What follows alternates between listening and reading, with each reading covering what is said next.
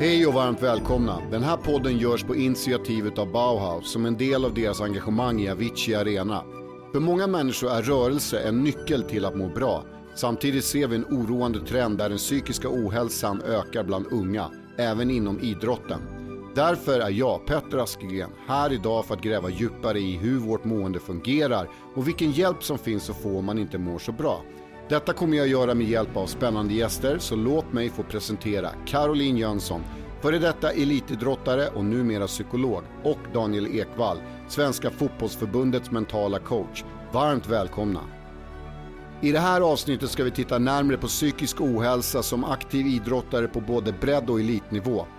Vad kan man göra om man mår dåligt av sin idrott? Prestationsångest och tabun att öppna upp och prata om att man mår dåligt.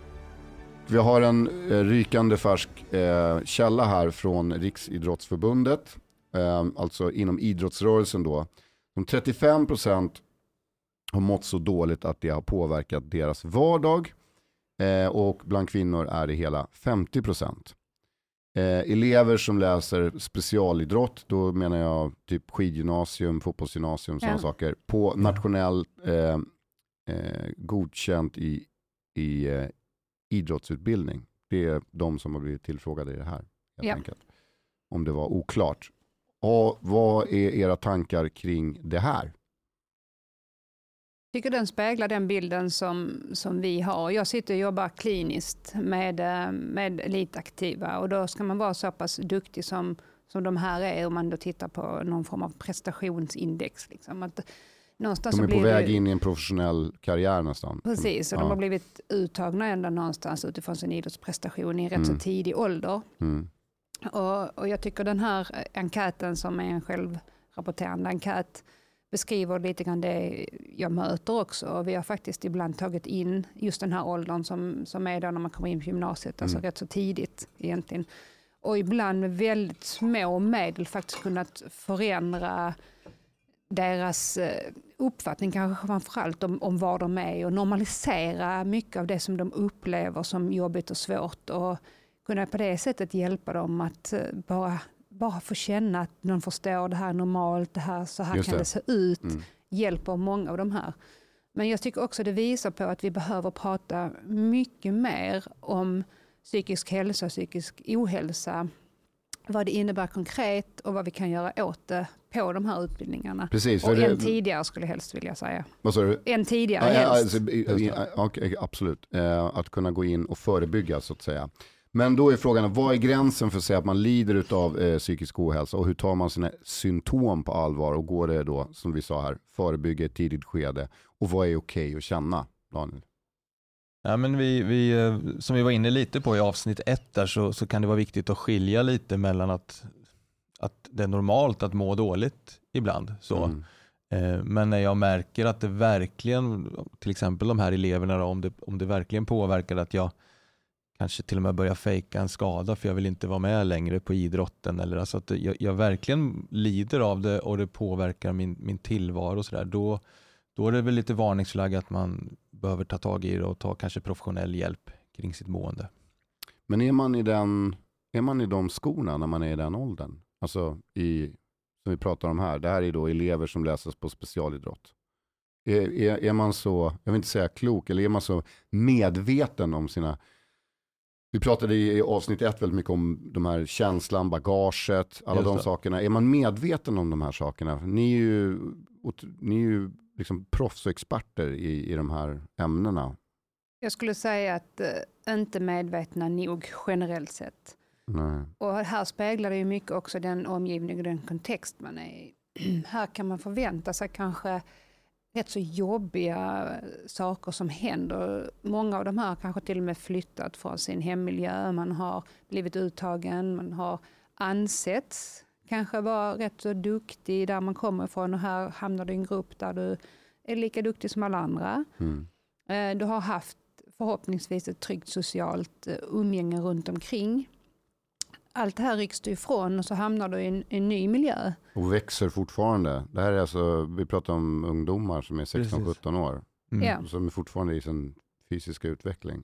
Precis, och sin psykiska. Så du har ju liksom båda de parametrarna. Och här vet vi faktiskt rätt så mycket och eh, vad man kan förvänta sig för, för svårigheter och vad som är jobbigt. Och I och med att vi vet det, det finns något som kallas karriärstegen till exempel, där man tittar på de här faserna som man går igenom rent idrottskarriärsmässigt, men också din sociala utveckling, din Mm. individuella utveckling, Mm. men också vilka personer som är viktiga runt omkring dig och sen hur din akademi, akademiska utveckling går och vad du kan dig. Samtidigt då i skola och... Precis. Parallella karriärer. Ja. Mm. Ja, de, alltså, Hur spelar de här mot varandra då? då?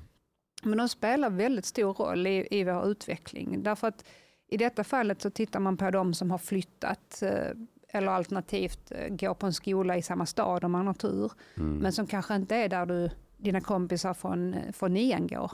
Nej. Utan du byter liksom kontext. Eh, Idrotten får en mycket större vikt. Du kanske får en ny tränare. Mm. Du får flera så, eh, personer som ska tycka till. Mm.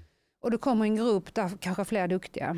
Du kommer kanske också i en klass som, som idrott helt plötsligt är en gemensam faktor, vilket kan vara jättepositivt. Men det kan också vara rätt så jobbigt för att det blir väldigt mycket prestation och idrott som, som blir någon form av samtalsämne eller status. Mm. Innan kanske du gick i en klass där någon var idrottsintresserad, någon höll på med någonting annat och blev automatiskt andra samtalsämnen. Så att det finns mycket i just den här perioden som, som kan vara svår och jobbig.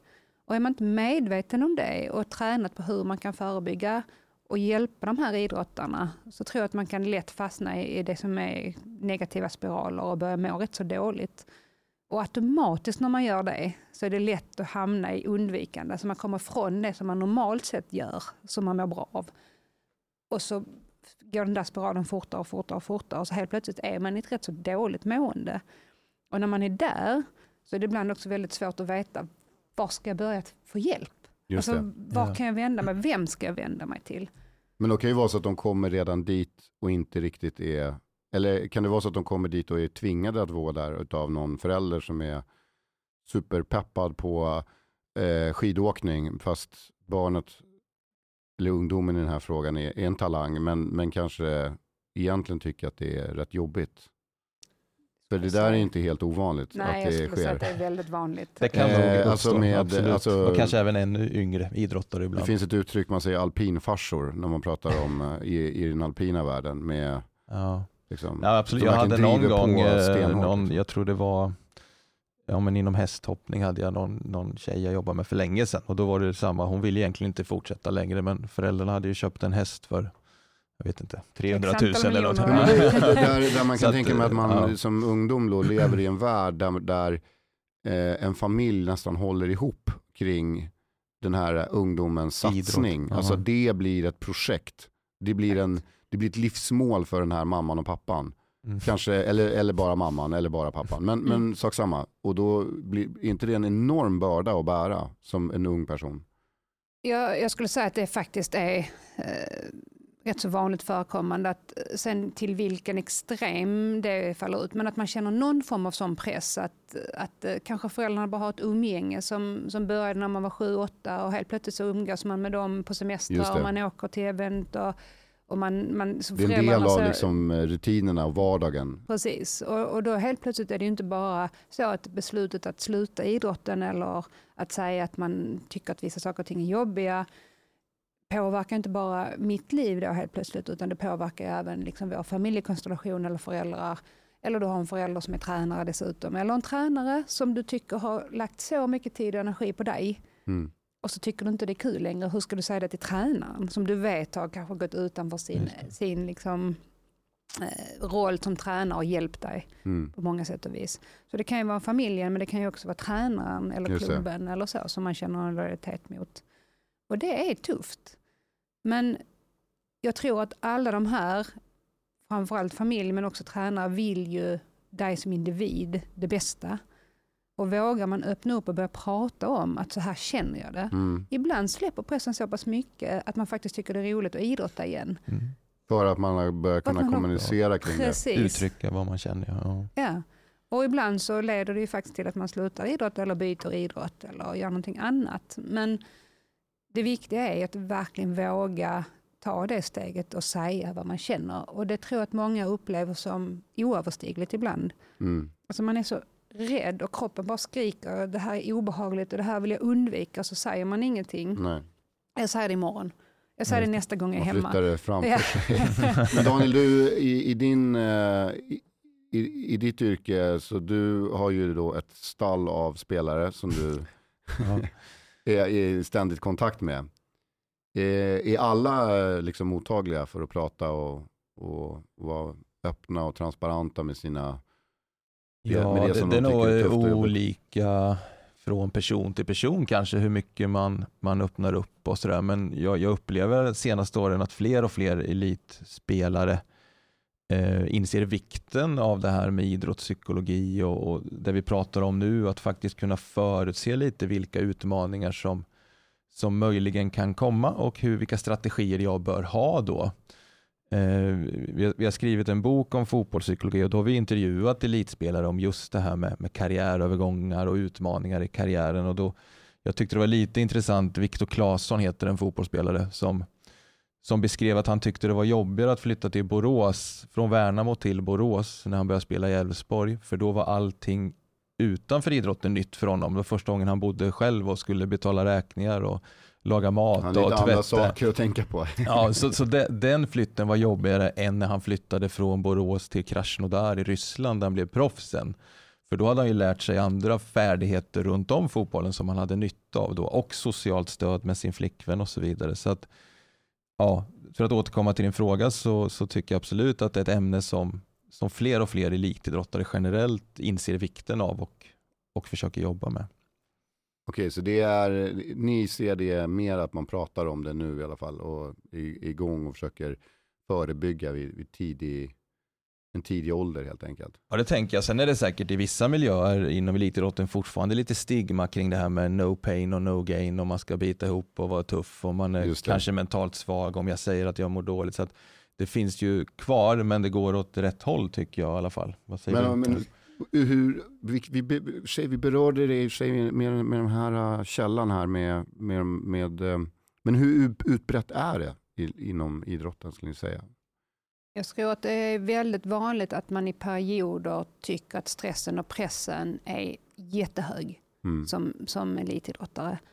Och jag tror ibland också det är farligt att prata om elitidrottare som, som ett eh, liksom, continuum som är likadant. Nej. Alltså det är väldigt mycket olika faktorer som påverkar hur du presterar.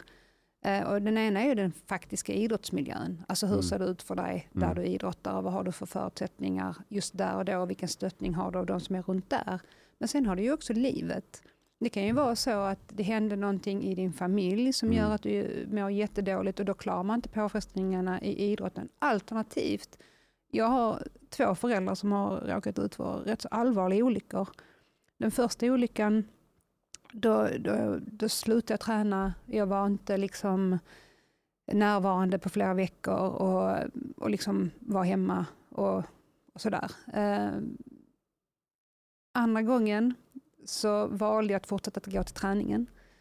Det var ju lite lättare för då fick man faktiskt en paus och kunde komma lite mer laddad. Rensa hjärnan lite Ja, och komma lite kanske mer laddad och sitta eh, och, och vaka Mm. på ett annat sätt. Och, och det är sådana saker som givetvis påverkar din idrottsprestation jättemycket. Och din, din stresstolerans till andra saker. Mm, Så mm. att livet är ju hela tiden med och påverkar även, även dig som idrottare. Just det. Men där finns ju också de här sakerna som gör att du orkar mer i idrotten. Mm. Och att prata om vikten av att ha andra saker eh, runt omkring dig som inte är idrottsrelaterade. Där tror jag att vi har ett stigma fortfarande, där många elitidrottare tror att är jag inte 100% fokuserad på min elitidrott och, och det är mitt enda fokus så kommer jag inte bli bra.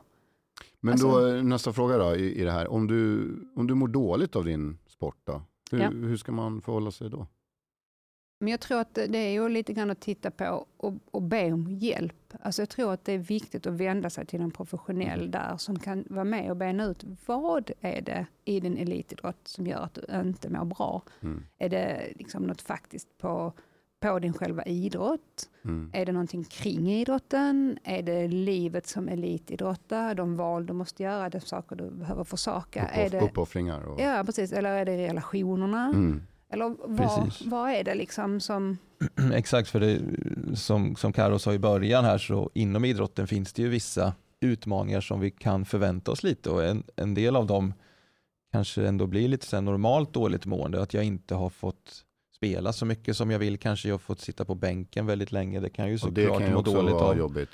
Absolut, eh, men kanske förhoppningsvis är övergående eller så behöver jag byta miljö för att få spela igen. Och så, så det kan ju verkligen vara kopplat till, till, till idrottsmiljön. Eh, eller som också Karo beskrev att de här idrottsgymnasieeleverna har sannolikt varit kanske bland de bästa i sin grupp hemma i sin lilla ort och sen flyttar man till den här stora, kan möjligen större staden. En del, en, en del i gänget en där del alla i gäng, är sjukt duktiga. Ja, ja, och det kan ju också vara jobbigt att hantera. Eh, eller tyvärr inom elitidrotten är det ganska vanligt med skador också. Jag, mm.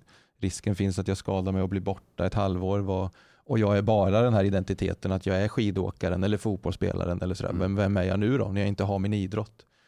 Eh, så det finns inom bara själva idrottskarriären många utmaningar och som Karo då beskriver så kan det ju hända saker i skolan eller i livet som kan göra det ännu jobbigare eller som jag får stöd från de parallella karriärerna som kan hjälpa mig genom utmaningarna i idrotten. Så att mycket är nog att våga, våga förutse och tänka tankar, liksom att det här kan möjligen bli jobbigt, men, men ny, högre krav i den här miljön, en ny tränare eller högre press och, och att förbereda sig på så sätt också. Jag pratade med en 13-åring eh, som ähm, ähm, hade, har, har, en kompis som, där pappan driver på enormt med idrotten. Mm. Alltså enormt mycket. Mm. Och menar liksom utåt sett att det är så himla kul för att äh, mitt barn älskar den här idrotten och vi har så roligt tillsammans och det är så underbart och det är så fantastiskt. Medan den här 13-åriga kompisen då säger till mig att nej, den här ungdomen hatar det här och, och tycker det är jättejobbigt. Vad kan kompisen göra? Jag tycker det är, det är en väldigt bra fråga för där har det ändå kommit fram någonstans att den här 13-åringen som, som har föräldrar som pushar mm. har öppnat upp. Sen är det ju ett, ett enormt ansvar som en 13-årig kompis. Vad ska jag... Och, axla en sån. Precis. Ja. Uh, där tror jag det är lika viktigt som att att det hade hänt en själv, att den här 13-åriga kompisen faktiskt kanske kan få dela med sig, i detta fallet till dig. Och, och, och det är det som är svåra, för då, då, då, känner jag gärna så här, ska jag då gå in och eh, knacka den här föräldern på ryggen och säga, du, eh, ska vi lugna ner oss lite här nu, eller? Mm, och där, där har du liksom... Det är jättesvårt hur man, hur man som utomstående, om man ser det här, för det här är det här är ju inte bara jag som har sett, utan det lär ju finnas många andra som har sett också. Och kanske ställer sig lite frågande. Så här. Och nu tror jag att vi är inne på en, en fråga som jag tror många alltså känner föräldrar, sig, ja. tränare, mm. ledare, ja, precis känner igen sig. Och, och uh, utövare och kompisar. Uh, jag förespråkar ju generellt sett en, en, en öppenhet. Uh, och det är klart att allting är relationsbaserat. Men i detta fallet då tror jag liksom det finns ju faktiskt en möjlighet, om man får vara personlig, ta ditt exempel, mm. att du skulle kunna fråga 13-åringen, hur, hur, känns det egentligen? Vad, vad, skulle hjälpa dig för att du skulle tycka din idrott var rolig? Och på det sättet börja och få en dialog direkt. Mm. Och där få kanske ett mandat att, som inte går rundgång. Liksom. Och sen så får man se vad som kommer för svar där. Liksom. För det där jag bara tänker sen om, om, om en sån ung person känner så redan nu och ändå är i någon sorts elitsatsningstänk. Och sen så ska de in på något gymnasium med den idrottsliga inriktningen. Där kan vi väl ändå prata om ett ganska tungt bagage som kommer följa med då. Eller en olust i alla fall någonstans. Jag tänker att ledare och distrikt och förbund är jätteviktiga. Liksom hur man strukturellt utbildar och pratar om de här sakerna känner jag är en jätteviktig insats. Och om jag bara får hoppa tillbaka till den här 13-åringen så tänker jag om, man är kompis till den 13-åringen att, att lyssna är ju jätteviktigt. Men kanske också försöka peppa till om det finns någon annan vuxen som man kan vända sig till. Eh, någon, någon, någon, farbror eller moster eller i den bästa världen någon i föreningen som, som kan lyssna. Mm, mm. Eh, för att tyvärr finns det ju forskning på att om jag mår dåligt i en elitidrottsmiljö så, så så kan det vara en hög tröskel att vända mig till min tränare till exempel. För han eller hon tar ut laget. Tänkte, exakt, för jag tänkte också, ja. ska, ska, man, ska en ung person ha modet att prata med en tränare? För det kan ju vara förödande om du har en tränare som inte är speciellt empatisk. Precis, och, och det är det, vi försöker nu i, i IFK Norrköping att hitta det våra 15 19 års lag eh, får svara på lite frågor kring välbefinnande och dåligt mående så här, som inte går till tränaren utan man får chansen att flagga för på ett annat sätt att jag mår lite dåligt och behöver lite hjälp. Så, så jag tror att som förening också att man hittar olika, ja, olika sätt som gör att ungdomarna kan, kan ja, säga att man mår dåligt helt enkelt för att kunna fånga upp fler. Mm. Jag tror att den här oberoende personen som kanske har en relation, som du säger, i klubben eller sådär, är jätteviktig därför att man behöver prata med någon som inte bestämmer eller som inte har engagerat sig så mycket eller som man inte vill göra besviken. Jag tror det är superviktigt och sen att vi strukturellt eh, liksom lyfter den frågan och försöker skapa det utrymmet. Att vi kanske faktiskt strukturellt i föreningar, klubbar i Sverige ska ha en person som inte är kopplad till din prestation, din träning som ska kunna finnas där. Mm. Vi har elit, eh, liksom, idrottsombudsmän i, i RF och så, men det är ju en jätteväg att nå dem och hitta Mm. dem. Liksom. Så att jag tror det är, det är superviktigt att varje förening tar det initiativet och kanske utser en person eller man vänder sig. I elitidrotten har vi ju till exempel spelarföreningarna där man oberoende kan vända sig Mm. till. Eh, men jag- tror att det... mm, Lite som företag jobbar med HR till exempel. Ja, och precis. Och kanske till och med företagshälsovård. Att du inte alltid behöver vända dig till liksom din arbetsgivare Nej. heller. Utan Nej. det finns en möjlighet att prata om arbetsrelaterad problematik med någon som inte är den som faktiskt ser till om du, du får lön eller inte. Jag vill plocka upp en grej som Ja. jag var inne på Ja. i, i del ett här. Och det var ju tabu då kring eh, psykisk eh, ohälsa. Eh, och det har vi ju sagt att det finns, det sa du. Mm. Jag frågade dig eh, på några konkreta exempel. Eh, vad kan man göra åt det? Tabun. Tabun, Alltså, ja. ja, tabun. Ja men jag tror att vi behöver göra liksom en normalisering i form av att psykisk ohälsa finns, Mm. för det första. Ja. Det, det behöver vi liksom inte diskutera, utan Nej. Generellt så finns psykisk Mm. ohälsa i vår miljö. Och därför behöver vi förhålla oss precis som att till att vädret växlar, ibland regnar det, ibland är det sol. Hur förhåller vi oss liksom till det? Ja men då får vi byta, nu är den här planen eh, regndränkt, vi får spela på konstgräset. Liksom. Mm. Så att psykisk ohälsa finns och det finns i den miljön du är i. Det finns eh, människor som drar sig till idrotten framför allt. Det är, en, det är liksom en miljö som vill ha mycket frivilliga människor som hjälper till. Det är en ideell verksamhet. Det finns människor som dras till den miljön som har eh, intentioner som inte alltid bara är positiva. Det kan vara grooming. Det är liksom att man, man behöver vara uppmärksam på att det finns i miljön Just det. strukturellt tycker jag att en gång i halvåret så ska man som förening prata om de här. För ju oftare du pratar om detta, ju oftare du gör en genomgång och bara får liksom dina ungdomar prata om detta, sitta en gång i halvåret och diskutera de här frågorna strukturerat, så kommer det visa att vi har en miljö där det finns en möjlighet att prata om det. Mobbing måste ju existera i, den här, i de här miljöerna. Eller? Absolut. Mm. Absolut, och, och tittar vi då på, på Friends som är namnet på arenan, vår huvudarena för fotbollen, Mm. så började ju de i skolverksamheten och insåg att idrottsrörelsen har ju också jättemycket mobbing. Och så hade man en, en avdelning som jobbar med Friends inom Mm. idrotten. Mm. Så att mobbing är ju absolut en, stor, en stor problematik och det kan ju te sig på väldigt många olika sätt hur man mobbar. Mm. På elitnivå pratar vi om sådana saker som training alone. Alltså Mm. att man blir utestängd liksom, eh, till att man blir inte sedd, man får inte grejer och allt sånt där till den här väldigt subtila mobbingen som, som handlar. Och det här kommer vi tillbaka till det här med utanförskap, ensamhet, att inte känna delaktighet. Det är en Mm. jätteviktig faktor för vårt mående. Och därför är mobbing så otroligt destruktivt Mm. utifrån av, av att, att må dåligt. Speciellt med det du var inne på i början där med att vilja tillhöra flocken och vilja Exakt. bli sedd av alla och att, att man vill bli älskad av alla. Men det är ju inte bara något idrottsligt, det är ju ett generellt beteende som vi alla Ja. människor Visst. har någonstans, skulle jag vilja påstå. Men jag kan tänka mig det är rätt jobbigt också med tanke på att alla har en, speciellt om man blir inom fotboll då till exempel, blir framgångsrik och så i form av att man börjar göra mål och, eller vad man nu gör för någonting. Och så, eller som du målvakt, tar en massa bollar. Eh, och sen så går det inte riktigt vägen och så hängs man ut i sociala medier som en sopa och sådana saker. Hur, hur hanterar man det? Hur hanterar man sociala medier inom idrotten idag? Eller i, det här, i ert fall?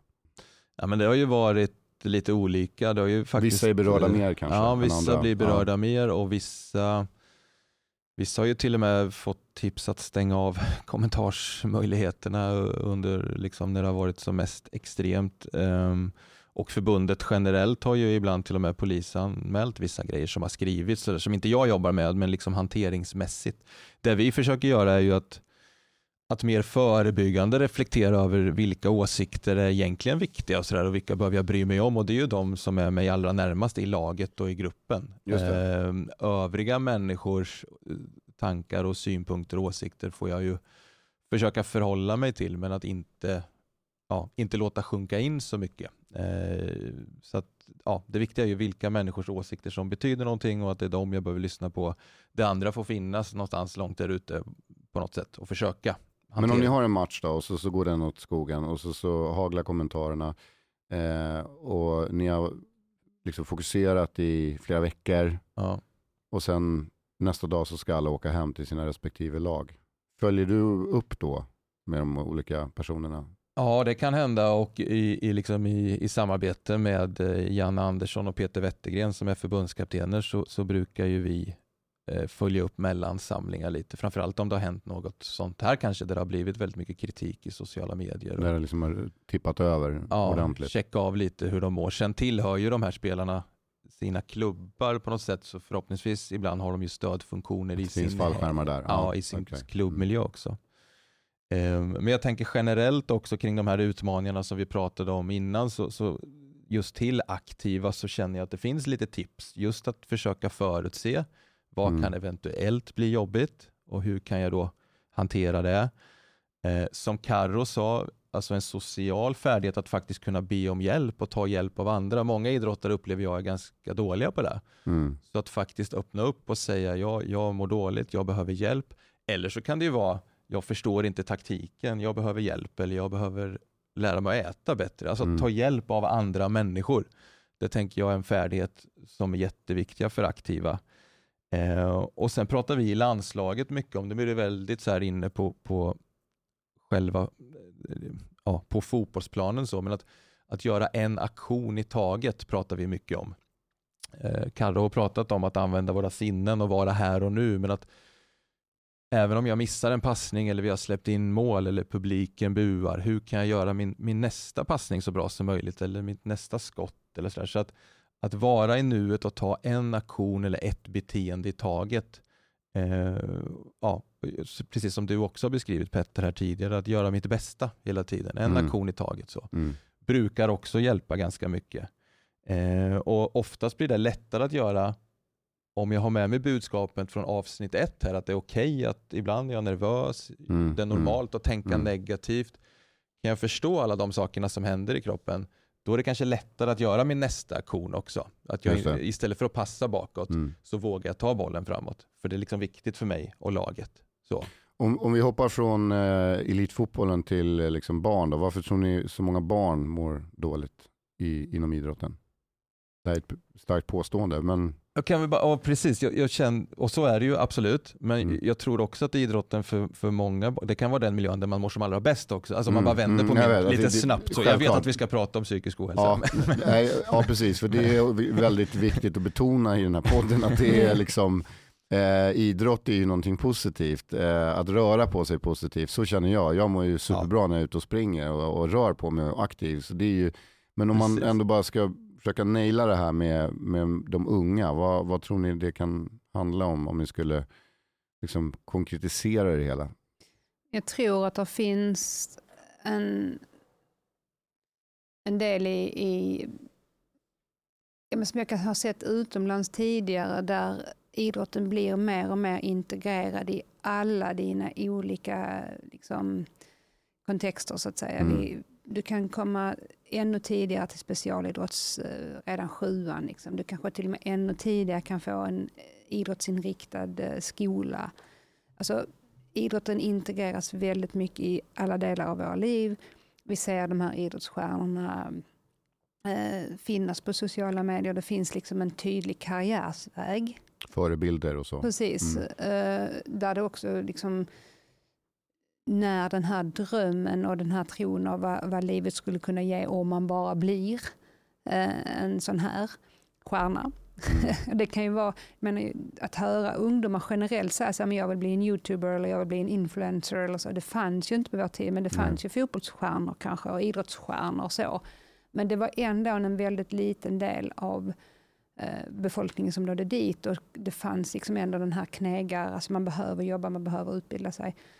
Idag så ser man det som en, en faktisk liksom, karriärsmöjlighet tidigt och Mm. vi har ändrat strukturerna lite så att det är fler som, som kan få den här liksom, chansen men också fler som inte får den. Det blir tydligare. Eh, så att jag tror att vi i den bemärkelsen har blivit eh, lite mer så här en idrott, satsa tidigt, du måste välja tidigare och det skapar för många en ångest. Man vill inte välja så tidigt, man skulle vilja prova många idrotter man vill kanske inte hålla på för att tävla, du vill inte bli bedömd. Nej. Utan du vill hålla på med idrotten för att det är där jag kan hänga med kompisarna, det är jättekul och man känner den här positiva liksom, rörelseenergin.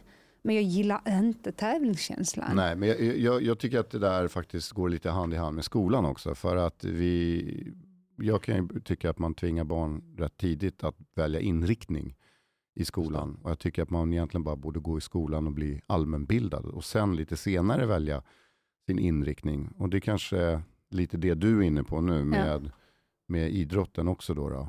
Eh, Men det här är, menar du på, det skulle kunna vara en förklaring på min, mitt påstående. Ja, men men- jag tänker att det blir en upplevd press. Precis Ja. I det Karo beskriver så blir det ju det blir ju idrott generellt är ju väldigt resultatfixerat och det där spär ju bara på det ännu mer tänker jag att jag måste lyckas Mm. med allt. Min passning måste gå fram, jag måste vinna bollen i nästa tackling, jag måste skjuta bollen i mål.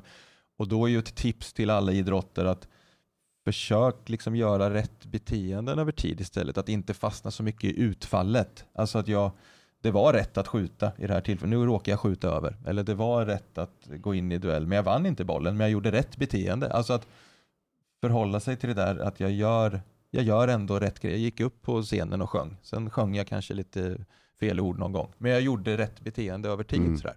Det tror jag är viktigt. Så att, ja, för precis det som Karo beskrev, det blir ju ännu mer så jag måste lyckas och sådär. Eh, Om man pratar fotboll då, eh, kan, man, kan, man, kan en förening och ledare utbilda barnen också? Alltså att vara bra kompisar.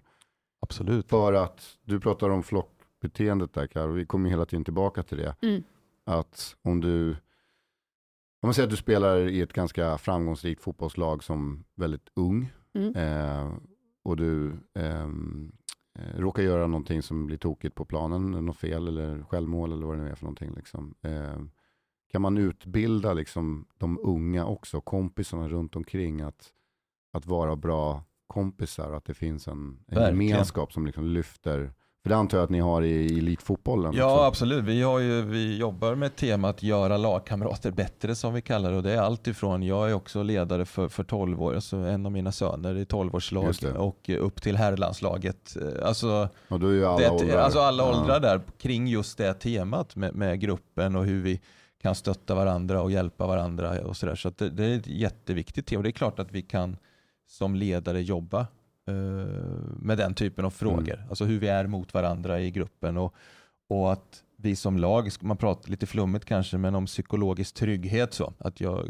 kan känna mig trygg och, och trivs i gruppen och sådär. Det kommer ju också göra att jag presterar bättre. Inte bara mår bättre. Kommer prestera bättre. Alltså jag skulle nog säga, gå till det att jag tycker inte att, att man kan, man ska. Man ska, exakt. Ja, Man ska. Ja, men så är det alltså, det är kanske en av de viktigaste faktiskt eh, uppgifterna man har som ledare överlag och sen om det är som tränare eller om det är i en annan miljö. Liksom, att se till att människor är trygga. Mm.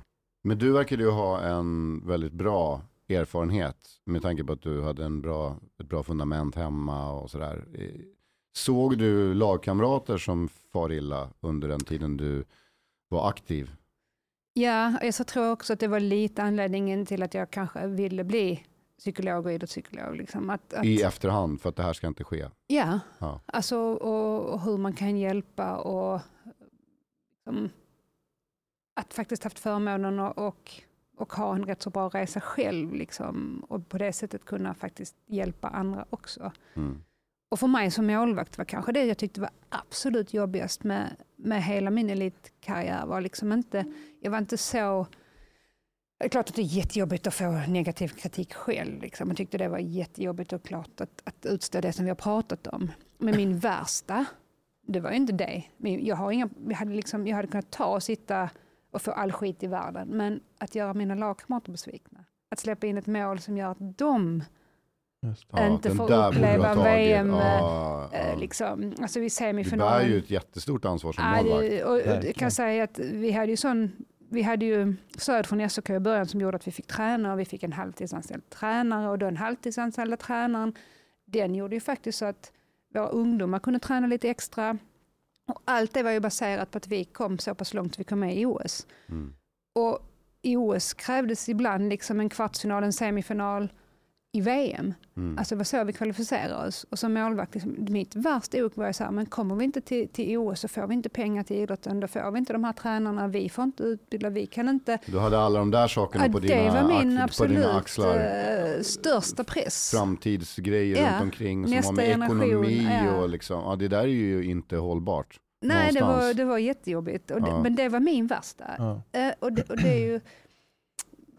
Och där tror jag liksom att den här Eh, sociala lagmänniskan, eller vad man ska kalla det, liksom, men också den här gruppen. Liksom, Det där är jättebra, men det för mig också tillbaka till det vi pratade om tidigare, just det där med den pressen. Tror ni att många av de unga som håller på med idrott idag, för det är ändå det vi pratar om här, det är liksom idrotten och hälsan, psykisk ohälsa och hälsa. Eh, att, att några mår dåligt, kan det vara, göra så att de redan vid ung ålder sätter upp sådana höga mål på sig själva? Att jag ska liksom bli så här pass framgångsrik så att jag klarar mig, det här ska bli mitt yrke, jag ska leva på det här. Eh, och sen så om det börjar komma en del motgångar så blir det liksom en ond spiral. Man, man ser bara hur det här, den där målbilden på något sätt bara blir dimmigare och dimmigare i horisonten. Och till slut så finns den inte ens där och man mår bara kast. Kan det vara så? Absolut. Och jag skulle också kunna säga att, att man kanske, det vi pratar om med press, som en 13-åring eller något sånt Mm. känner från föräldrar eller ledare eller så. Jag skulle säga att i slutet av karriären så upplever jag att många eh, har kanske nått en position inom vissa idrotter där man har en rätt så bra inkomst. Du känner inte att du kan göra någonting annat. Det är här jag har min kompetens. Men jag är kanske också familjeförsörjare. Det är kanske jag som inte bara försörjer liksom min familj men också min faster och min moster. Och inte lika mycket i Sverige kanske, men, men generellt. Och helt plötsligt så kan du inte sluta. För det är så många som blir påverkade om du slutar. Mm, det kan ju mm. också vara agenter, det kan vara liksom det kan ju vara allt möjligt. Men du har ett helt liksom. närings... Precis, du är nav, dig, liksom. navet i hela den här näringskedjan. Kan det slå liksom. slint också? Jag har hört om en, en ungdom som varit väldigt pressad av föräldrar och till slut så bara blev det totalt uppror och rebelliskt. Bara lämnade idrotten alltihopa och sa fuck off till föräldrarna och vägrade prata med dem. Och vet så. Men jag skulle säga att det är liksom, om man inte pratar, alltså ibland så har jag liksom så här, men du har, du har en, en klassisk, du har en eld liksom och i den elden så sätter du en kastrull med kokande vatten. Mm. Mm. Lägger du på ett lock så till slut kommer trycket bli så högt så att det kommer flyga. Liksom. Mm. Men om du har liksom det här kokande vattnet och du ibland lyfter på locket så här, lite och så pyser liksom ångan ut och så pyser ångan, då kan du koka kastrullen tom. Mm. Och lyfter man aldrig på, har man aldrig sagt till sina föräldrar eller sin omgivning att det här är för mycket för mig. Alltså det här blir för jobbigt, jag tycker det här är svårt eller jag tycker det här. Och aldrig till slut så blir det uppropet kanske väldigt så här pang. Därför att man vet inte var man ska börja. Det liksom, Otroligt bra beskrivning tycker jag. Det här, tycker- nej, men jag tycker det. Jag tycker det här är jättebra. För det, här, Mm. det här är inte bara någonting som vi kopplar till idrotten. Det kan jag Nej. koppla till vilken del i livet som helst. Med ett Absolut. kokande lock. Nej men så är det ju. Det är Ja. klart att det till slut så poppar det. Men det, Ja. det kan vara smart att, Det våga, våga säga ifrån smart. och prata. ja, och Ja. Det, det är det det egentligen handlar om. Liksom.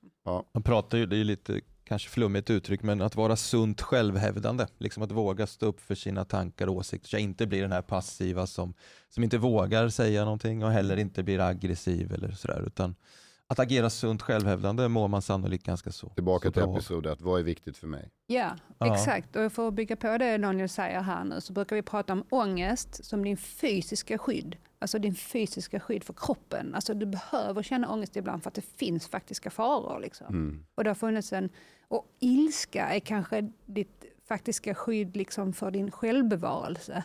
Alltså det som du pratar om här, att om du aldrig blir arg och aldrig reagerar så till slut så har du ingen självkänsla kvar. Liksom, utan du måste få hävda dig själv ibland för Mm. att skydda dig själv. För att skydda din, din existens och ditt existensberättigande utifrån hur du vill vara och Mm. vad som är viktigt för dig. Så att, att bli arg Mm. kan vara skyddande. Mm. Att ha ångest kan vara skyddande. Och det får man inte glömma, för det har varit jätteviktigt för oss historiskt sett och det är minst lika viktigt idag. Mm. Att få lov att och, och liksom ta de här känslorna på allvar. Det här är bra. Eh, vi summerar, Ja, jag. jag tänker att en viktig grej bara till Mm. alla aktiva som lyssnar. Eh, vi har ju tagit lite tips här nu kring att, att be om hjälp och att lyfta på locket ibland och, och förutse utmaningar och sådär. Men, men upplever jag att jag är en sån idrottare som lider väldigt mycket Mm. och att det verkligen påverkar min tillvaro så, så ett viktigt medskick är ju att ta professionell hjälp. Alltså att att jag vänder mig till legitimerade psykologer eller legitimerade psykoterapeuter. För ibland så kanske man nås av, av lite enklare lösningar som att det är bara att se möjligheter och tänka positivt och sådär. Men det finns ju faktiskt till och med forskning på att det kan ibland förvärra. Eh, Det fanns någon studie där, där människor fick skatta sin självkänsla eh, och personer som hade ganska så hög självkänsla, då kanske det, ja, det var, funkade okej kanske att tänka positivt och säga positiva tankar om sig själv och sådär. Men hade jag en förhållandevis låg självkänsla så blev det nästan sämre av att tänka positivt om sig själv för att det synkade inte riktigt. Det hängde inte ihop med bilden av Nej. mig själv. Så, att, så lite så snabba quick fix lösningar kring att enbart tänka positivt när jag mår som sämst. Eh, det är bättre att ta liksom kanske professionell hjälp då av, av rätt utbildade personer. Det där är bra, för det ska vi ta med oss in i del tre när vi ska prata mera om vad vi faktiskt kan göra. Har du någonting du vill tillägga som vi bara summerar eh, det här också? Nej, men jag vill egentligen underbygga det som Daniel säger precis, liksom att vi har inom idrotten framförallt Mm. och kanske också i samhället den här liksom quick fix positiva Mm. tankesättet, förhåll dig positivt, du är din egen lyckas Fem med. knep i tidningen. Exakt. Så här blir liksom. du en bättre, da, da, da. Ja, och, och jag tror att inom idrotten har det varit väldigt mycket handlat om att sätta i det här positiva tillståndet för då kan du prestera. Mm. Och där tror jag, precis som Daniel säger, att det är jätteviktigt att man inte går på den myten skulle jag säga. För dels ett, du kan prestera när du inte mår bra.